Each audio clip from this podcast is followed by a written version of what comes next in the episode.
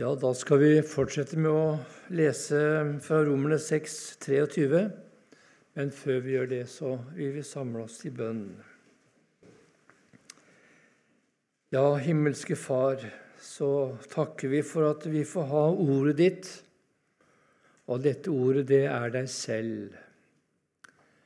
Og når du taler til oss, så er det du som kommer til oss ved ditt ord. Og nå ber vi, Herre, om at du må bryte dette ditt ord for oss, og at vi må være blant disse som tar imot det og finner vårt liv i det. Herre, miskunn deg over oss. Amen. Da leser vi hele verset, ja. Jesu navn. For den lønn som synden gir, er døden. Men Guds nådegave er evig liv i Kristus Jesus, vår Herre. Amen. Jeg vil bare repetere litt fra i går.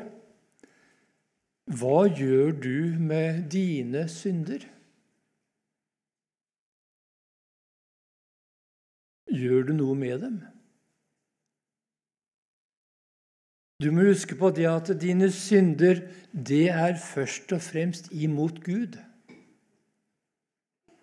I tanker, ord og gjerninger. Det er lovbrudd, det er opprør imot den gode og hellige vilje som åpenbares i de ti bud. Hva gjør du med dine synder? Kan du feie dem under teppet, som vi sier? Late som ingenting? Ja, da fikk du høre her at den lønn du da fortjener, det er evig fortapelse. At hvis du ikke kommer til omvendelse og frelse, så går du evig fortapt. Har du unnskyldninger og forsvarer du dine synder? Forsvarer du din ondskap, din egoisme, ditt fiendskap, ditt hat? Så går du rett i den evige fortapelse. For syndens lønn er døden. Det er å bli evig atskilt ifra Gud, det evige helvete. Og det er ikke noe som er så grusomt for et menneske enn det å gå evig fortapt. Vi kan ikke tenke oss, og vi kan ikke forestille oss hvor forferdelig det er å havne i den evige ildsjø, der ilden aldri slukner. Det er forferdelig å falle i den levende Guds hender. Det er det. Ja, om du bagatelliserer dine synder, du gir blaffen i dem, du bryr deg ikke så mye, eller du unnskylder og forsvarer deg, eller du sier det at 'Jeg klarer jo ikke å bli bedre' så, det, så viser dette bare at eh, du har et ubotferdig hjerte. Et ubotferdig hjerte.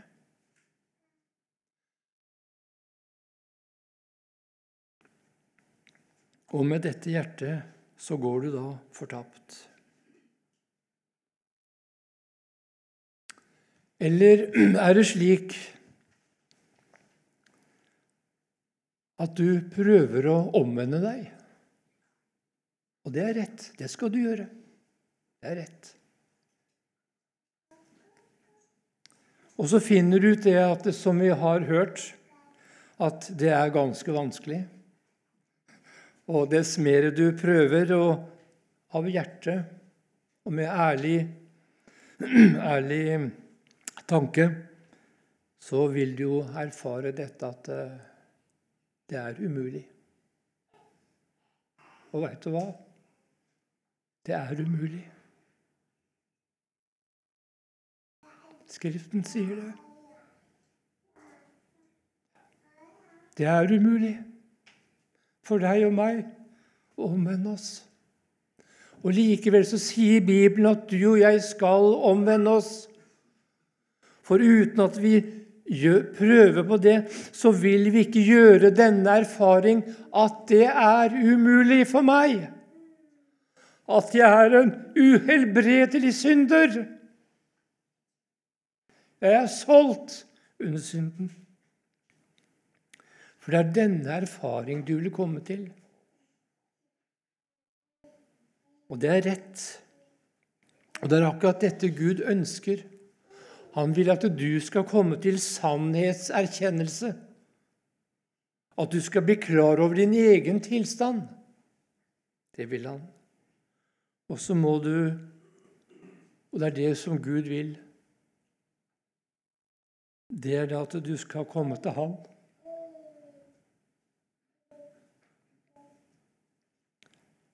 Og så skal du si Ved meg, Gud. Ved meg, som synder imot deg. Som er en opprører. Jeg er ond, Gud. Det som er ondt i dine øyne, det har jeg lyst til. Og det som er godt i dine øyne, det har jeg ikke lyst til. Jeg er død i mine synder og overtredelser. Jeg er verdig til å gå evig fortapt. Det er der jeg hører hjemme. Jeg hører ikke hjemme i himmelen.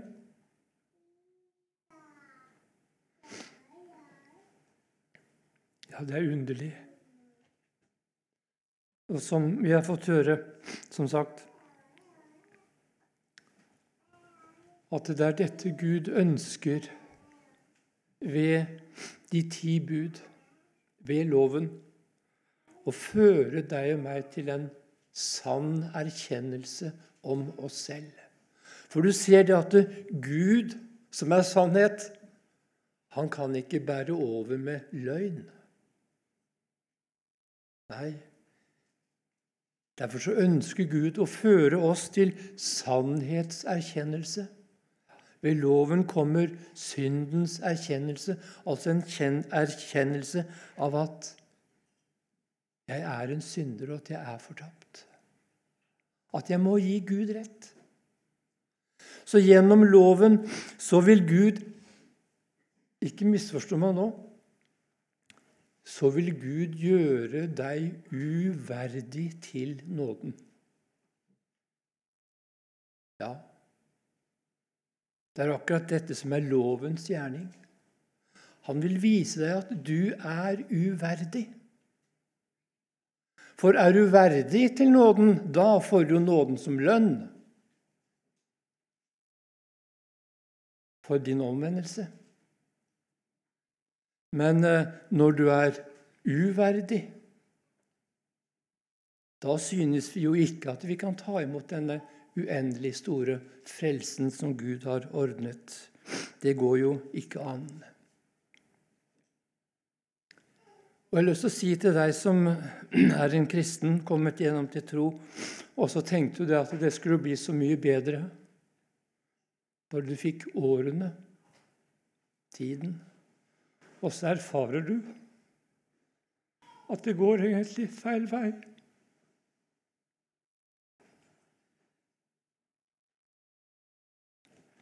Det er en sann erkjennelse.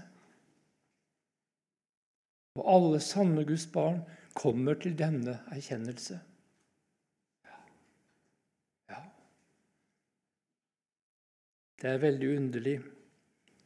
Gud tar ifra oss alt.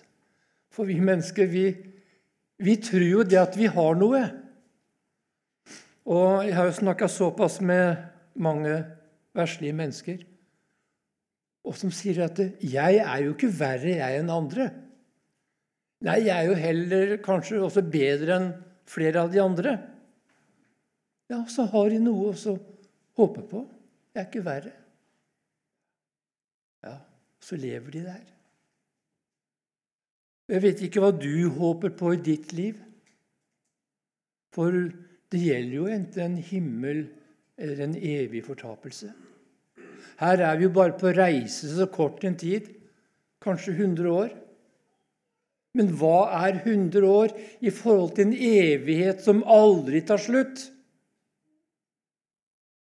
Det er jo der vi skal tilbringe, evighet, tilbringe tiden og framtiden. Enten i en evig himmel eller en evig fortapelse. Og går jeg fortapt, så finnes det ingen mulighet for redning. Det er for alltid. Et veldig alvor. Et veldig alvor til deg og meg. Lever du i synd? Unnskylder du dine synder? Eller blir det til omvendelse? At du vender deg fra dem, og at det driver deg til Jesus. For det er jo det loven skal være. Den skal være en tuktemester, en læremester, en som jager deg, en som rettleder oss til Kristus. Hvorfor, sier Paulus, for at jeg skal bli rettferdiggjort ved troen på Jesus. Uten gjerninger. For det er bare slik Gud frelser.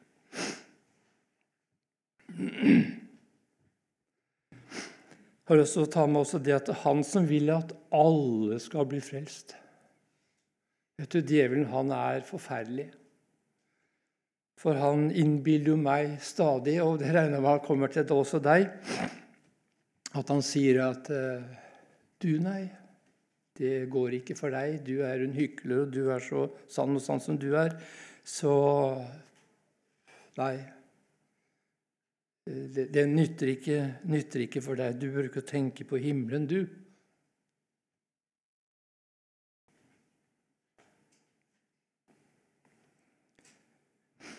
Du bør ikke tenke på at du skal komme til himmelen. Og Så får jeg lov til å lese Han som vil at alle skal bli frelst. Ja, alle. Da er alle medregna. Det er flott, det er fint å komme til sannhetserkjennelse. Og Da er det underlig også å lese Det står et 'men', ikke sant? For den lønn som synden gir, det er døden. Men så kommer et 'men'. Men det er ikke, det er ikke punktum og, og slutt, men det kommer 'men Guds nådegave er evig liv i Kristus Jesus, vår Herre.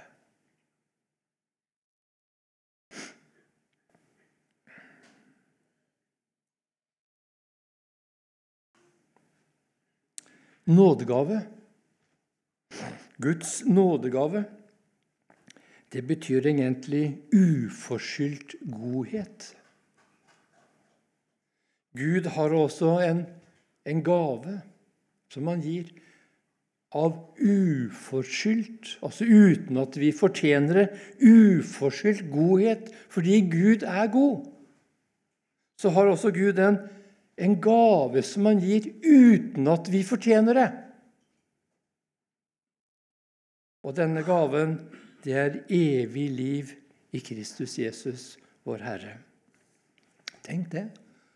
At det finnes altså en gave som gjør meg så rik. Jeg som mangler alt Jeg kommer litt mer inn på det. Men jeg som er slik som jeg er, så har altså Gud skaffet til veie en gave. Og ved at jeg tar imot og får del i denne gaven, så gjør denne gaven noe uendelig stort med meg og for meg som får evighetsbetydning.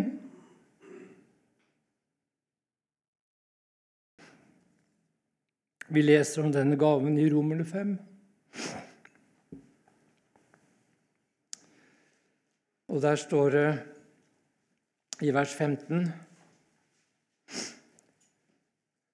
Så er meget mere Guds nåde og gaven i det ene mennesket, Jesus, Jesu Kristi nåde, blitt overmåte rik for de mange.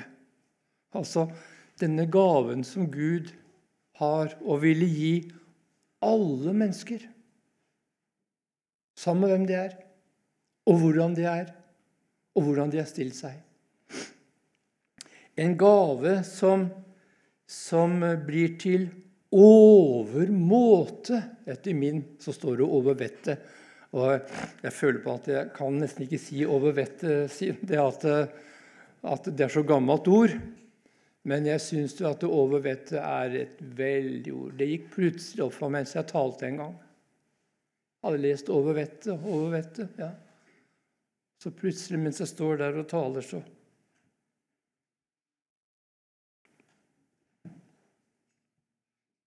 Så blir overvettet Det er ikke til å forstå. Og sånn er frelsen i Jesus. Den er ikke til å forstå.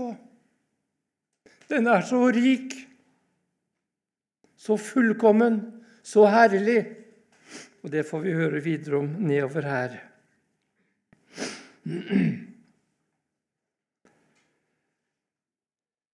Det står 'for de mange'. Vet du, Vi hadde om eh, fra Romerne 3 så står det at, eh, fra, med Lars Fredrik tidligere da, Men nå er Guds rettferdighet, som loven og profetene vitner om, åpenbaret uten loven, uten krav og uten betingelser, som du og jeg må gjøre for å få del i denne rettferdigheten. Og så står det videre Det vil si, Guds rettferdighet får jeg altså ved troen på Jesus Kristus. Og så står det at den er for alle mennesker. Der kommer jeg. Du er ikke uteglemt. Tenk at du som sitter her, som er en fortapt synder, du er ikke uteglemt av Gud. Han har skaffa meg en gave. Den er for alle. Guds rettferdighet får du. Den er for alle. Og så kommer det over alle som tror. Det er altså bare de som tror, som lar seg overbevise, som tar imot denne gaven, som blir overkledd med Guds rettferdighet ved troen på Jesus. For en rikdom! Overkledd med en annens rettferdighet, en annens lovoppfyllelse.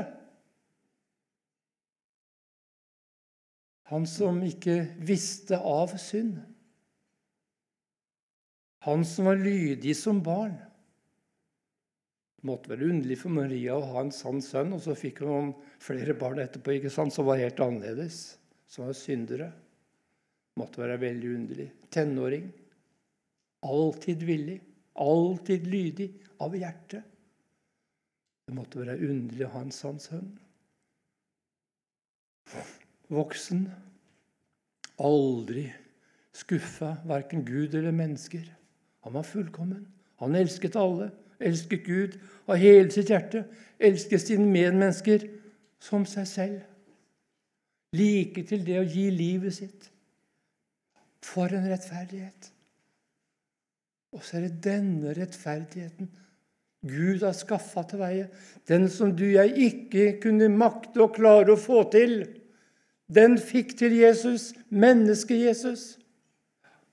Og så er denne rettferdigheten den er for alle. Tenk så stort.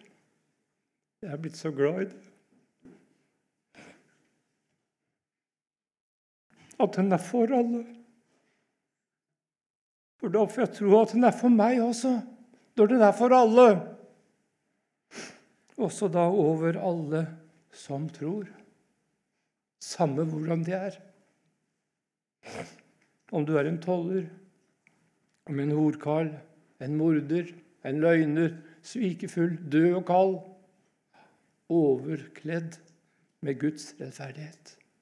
overmåte, over vettet rik. Ja. Dette er min sønn, den elskede, som jeg har velbehag i, sa Gud om Jesus. Og Sånn er det også for den som får del i denne store, rike gaven. Ja, nå skal ikke du blande inn helliggjørelsen. Den skal ikke blandes inn i rettferdiggjørelsen. Nei, helliggjørelsen det er bare en virkning av rettferdiggjørelsen. Og ingen blir frelst på sin helliggjørelse. En blir bare frelst på rettferdiggjørelsen ved troen på Jesus. Så du som tar imot ord om Jesus så kler Den hellige hånd deg i Jesu rettferdighet, som er Guds egen rettferdighet. Og så er det den du har, du som tror på Jesus. Om du enn er en synder, om du enn er aldri så fortapt, aldri så ødelagt av synden, aldri så mange ting som anklager og dømmer deg, og som går imot deg, du, her får en annens rettferdighet, en som var fullkommen. Han hadde Guds rettferdighet, og så får du hans rettferdighet. Og så er dette er Guds gratisgave. Ja. Vet du, vi er vel helt sånn at uh, de som vi liker, uh, og, og kanskje som har vært veldig greie mot oss igjen, de har vi lett for oss å gi gave til. Mens de som eh, vi har gjort imot oss en eller annen grunn, og sånn, så vi vil nesten helst ikke se dem. ikke sant? Tenk at Gud er ikke sånn. Mens vi var fiender, så ordna Gud med denne gaven han visste at det var ingenting annet som kunne frelse deg og meg hvis ikke Gud ordna med denne gaven. Med en ferdig lovoppfyllelse. Så det loven krever av deg, alt det får du i Jesus. Er ikke flott? Så loven den krever både av deg Ja, men når du tar imot ord om Jesus, så får du alt i Jesus som det loven krever. Det er ikke en eneste ting som står igjen. Og det viser jo Jesu oppstandelse, ikke sant? For hadde Jesus hadde vært en liten detalj av synd i Jesus sitt liv, så hadde Jesus aldri kunnet stått opp fra de døde. Da hadde han ligget der som Abraham, Isak og Jakob og oss alle. Men nettopp det at Jesus var uten synd. En ene hadde ikke minste fnugg av synd. Han var ren, fullt og helt igjennom. Så kunne ikke døden holde på ham. Så sto han opp igjen. Og så er denne rettferdighet Det er den du får uten at du fortjener det. Du får det ved troen på Jesus. Ikke ved gjerninger, ikke ved omvendelse, ikke ved bibellesing, ikke ved bønn. Ikke ved noe. Ikke ved gode gjerninger. Guds nådegave. Guds uforskyldte godhet. En gave som gjør at jeg blir rik. Jeg er rik. Ser du på deg, ja, da er du en fortapt synder. Helt igjennom. Ja. Men du skal få lov til å se på gaven. En gave som du har fått. Og når Gud gir en gave, så tar ikke Gud den tilbake. Han er ikke slik som oss, som kanskje kan fristes til å tenke på det. Nei, denne gaven Du kan miste den, men da er det det at du begynner å leve i synden igjen. Unnskylde synden. og At det ikke er sannhet i hjertet ditt lenger. da mister du den gaven. Du forlater den, går bort ifra den. Han tar ikke den tilbake. Han har gitt den. Han angrer ikke sine kall og sine nådegaver. Sånn er Gud.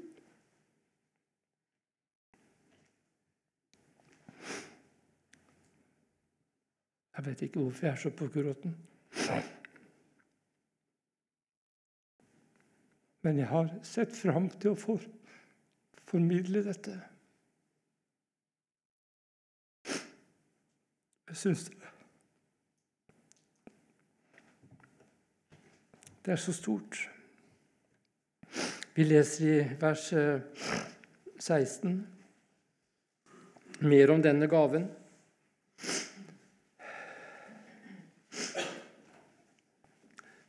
Den siste del av vers 16. Men nådegaven ble til frifinnelsesdom for mange falls skyld. Altså denne gaven den fører til en frifinnelsesdom ovenfor Gud. Det er ikke jeg som avsier en dom, men det er Gud som avsier en dom om den som tar imot denne uforskyldte gaven. En dom hvor Gud erklærer 'denne er rettferdig'. Og det er fordi at du står i Jesu rettferdighetsdrakt. Det blir til frifinnelse. Enda du har jo Det er jo ikke bare det at du har synder. Det er jo ikke bare det. Det verste er jo det at du er en synd. Ja, du har dette onde hjertet. Og så står det igjen For mange falls skyld. Så er det også for disse som tror. Og så ser vi i Bibelen, ikke sant, så får vi lese Vi får lese om alle slags mennesker som kommer til tro på Jesus. Ja, til og med en røver i siste øyeblikk, like før han forlater denne verden, uten håp. Han ser i et nu. Jeg har tatt feil. Jeg har levd for meg selv. Jeg har, jeg har um, syndet imot Gud. Og nå får jeg bare det jeg fortjener. Så er det underlig at liksom en røver i ellevte time Så er denne gaven så rik.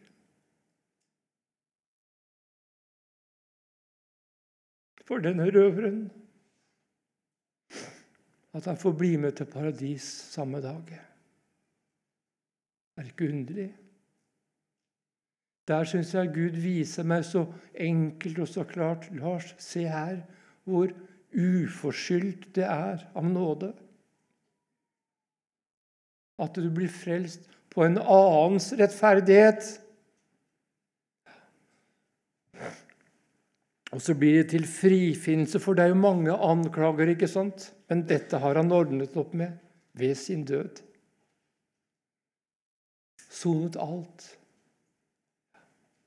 Så det ble til frifinnelsesdom. Eh, og så har vi i vers 17 eh, at de som får nådens og rettferdighetsgavens overvette igjen jeg får si over vettet. Jeg får holde meg til det gamle. Det er ikke til å forstå.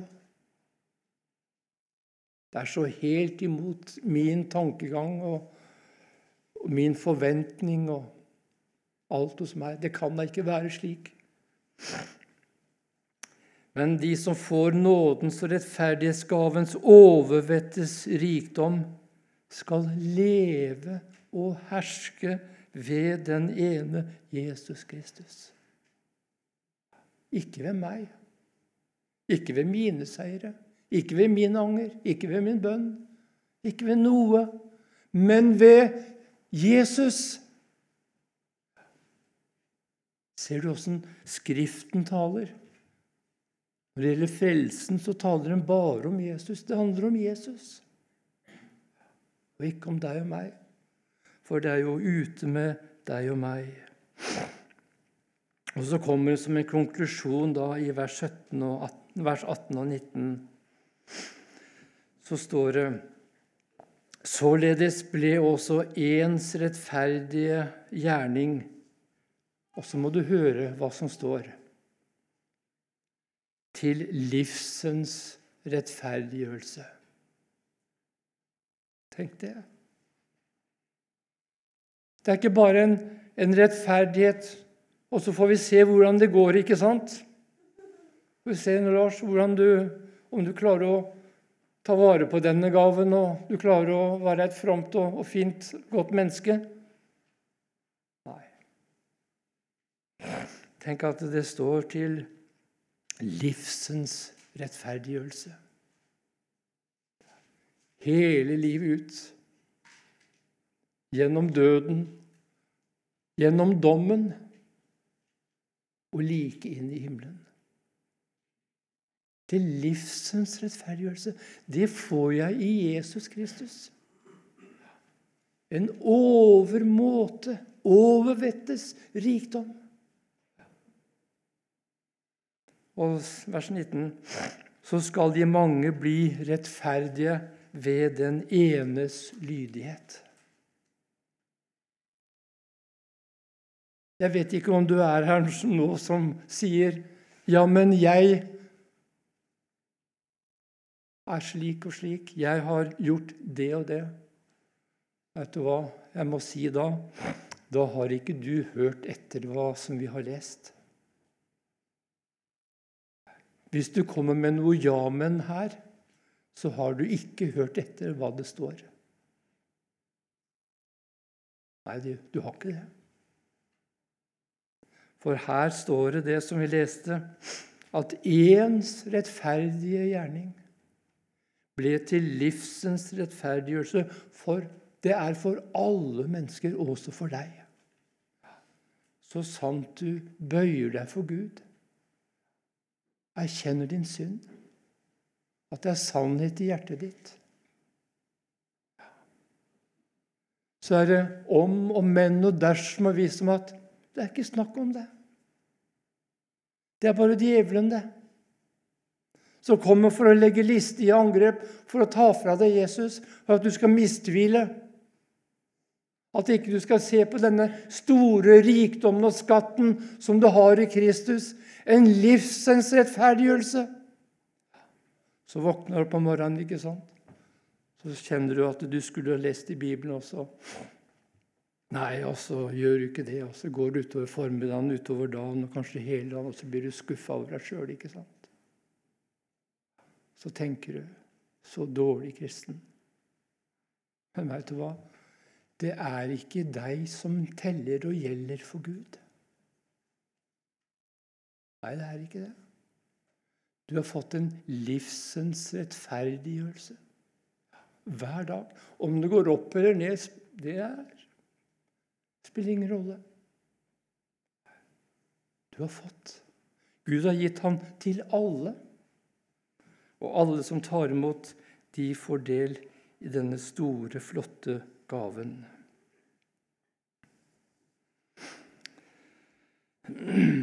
Det var eh, noe fra Filippenserne 3. Det gjorde meg så veldig godt. Og vers 3. Og der sier Paulus.: For vi er de omskårne og de omskårne, det er jo ikke de som er omskåret på, på kjødet, på kroppen. Men det er som Paulus skriver i Romerne 2, at eh, vi som er omskåret i hjertet ved Ånden. Og det er dette som skjer når en synder kommer til tro på Jesus. Så tar Den hellige ånd og omskjærer hjertet. Og for å si det slik, så skjærer han vekk synden vår. for at vi skal bli rene og være Guds barn. Men Nå blir jo ikke synden borte, men det er et bilde som, eh, som brukes. Og så kommer det Hvem er også vi? Så sier han vi som tjener Gud i Hans ånd og roser oss i Kristus Jesus. Og så var det en lille setning som kommer nå, som stoppa meg, og som gjorde meg så uendelig godt. Og så står det og ikke setter vår lit til kjød. En kristen, hvem er det? Jo, det er en som ikke setter sin lit til kjød. Som ikke setter sin lit til seg selv og til det han kan gjøre og være. For han har jo gjort en erfaring at 'jeg er fortapt'. Det er jo ikke noe i meg. Og Så fikk jeg lese om Paulus. Han hadde virkelig det han kunne, eh, det han kunne sette sin lit til, sier han. Så mer enn alle andre. Og så nevner han opp en, en liste her, ikke sant? Omskåret på en åttende dag av Isers Benjamin stamme, en hebreer av brere og en overforlovende fariseer. I nidkjærheten forfølger av menigheten i rettferdighet etter loven ulastelig. Ja, Han hadde så mange ting. Så mange ting han kunne se på i livet sitt. Jo, jeg er Abrahams barn. Jeg er omskåret. Og så hadde han frimodighet, og så hadde han visshet. Og så trodde han han hadde virkelig noe å, å se her, Gud. Og han så også på det selv og tenkte jo, jeg er Guds barn. Så skjedde det noe med Paulus. Han fikk møte Jesus. Og vet du hvordan det gikk? Jo, han sier alt som var meg en vinning. Alt dette som han hadde, bibellesning og omskjærelsen, og han fasta, og han eh, var av den rette familie og rette ett, ikke sant? Og, og han eh, seira over synden og hadde masse gode gjerninger og, og kunne Bibelen, Gamletestamentet, mye av det utenat. Ja, han hadde så masse. Men i møte med Jesus så sier han at alt dette blei skarn eller gjødsel, som grunntekstens ord også betyr, eller også søppel.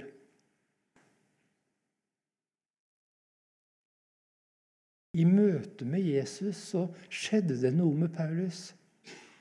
Alt det han trodde han hadde, som han kunne holde fram for Gud og vise, både overfor seg selv og overfor Gud, at han hadde det rett med Gud. Han var klar til å dø. Og så falt alt i kull. Ei røys, søppel, det er bare noe vi hiver. Ja, han sier, 'Jeg akter det alt for tap'. Og når du og jeg har noe som eh, f.eks. noe fint noe, noe som er verdifullt for oss, og så går det i stykker Ja, ja, sopa vi sammen kaster det, og så er vi ferdig med det. Det er, det er tapt. Ferdig med det. Slik regnet Paulus med alt det han hadde, og alt det han var og er. Så regna han med at dette var gjødsel, dette var søppel, dette var tap. Bort med det og vekk med det. Ferdig med det. Tenk at jeg skal få lov til å se slik på det, jeg også. På mitt kjød. Når jeg fristes til å tro på noe annet i tillegg til Jesus. Akte det for skarn og tap, fordi kunnskapen, eller skal vi kunne si også budskapet om Jesus Kristus, Evangeliet er så mye mer herlig og rikt enn det jeg kan få til i mitt liv. Her blir det jo stadig fall, ikke sant? For meg går det opp og ned. Men i evangeliet, i budskapet om Jesus, så får jeg høre om en, en rikdom, om en skatt, om en frelse som er så uendelig mye større. Og nå sier Paulus Nå er det for meg, sier han, å, ikke, å finnes i ham ikke med min rettferdighet, men den som, den som er av loven, men med den som fås ved troen på Kristus. Ikke ved gjerninger, ikke ved å gjøre, ikke ved å være, mens den får ene og alene ved tro, altså ved å høre ordet om Jesus og ta imot dette ordet. Så får jeg del i frelsen. Denne rikdommen, livsens rettferdiggjørelse. Jeg er rik på alt, som Jesus er rik på alt, uten synd.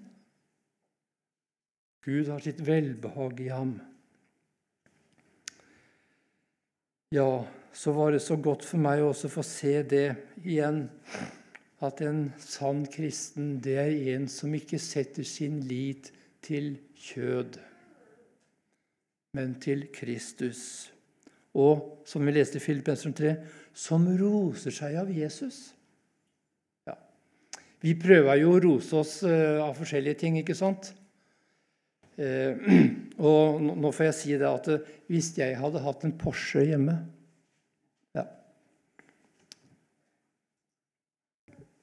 Så er jeg sikker på, Og så hadde vi sittet og snakka om bil med kanskje noen svensker og dansker som ikke kjente meg så godt. Ja, så vil jeg jo si det du, dere jeg har en Porsche, Porsche hjemme i garasjen. Dere vet jo at det er Volkswagen som eier Porsche, så jeg sier Porsche. Og da, da roser jeg meg av bilen, ikke sant? Jeg har en bil. En Porsche. Åh, sier svenskene og danskene ikke da. Åh, har du modell er det? Ja, så er det sånn gammel antikk. En av de første som ble laga. Enda mer verdifull. Så roser jeg meg av denne Porsche. Den er min. Og de andre de ser på Porsche, eller tenker på Porsche, og jeg forklarer litt. og Kanskje jeg har noen bilder òg. Så viser jeg Se her. Rosa meg av Porsche. Så sier Bibelen, 'Hvor er vår ros?' Så hørte vi Lars Fredrik til deg da. Utelukket. Utelukket. Aldeles utelukket. For det eneste du og jeg fortjener, det er å gå fortapt. Det er å bli kasta bort ifra den hellige Gud.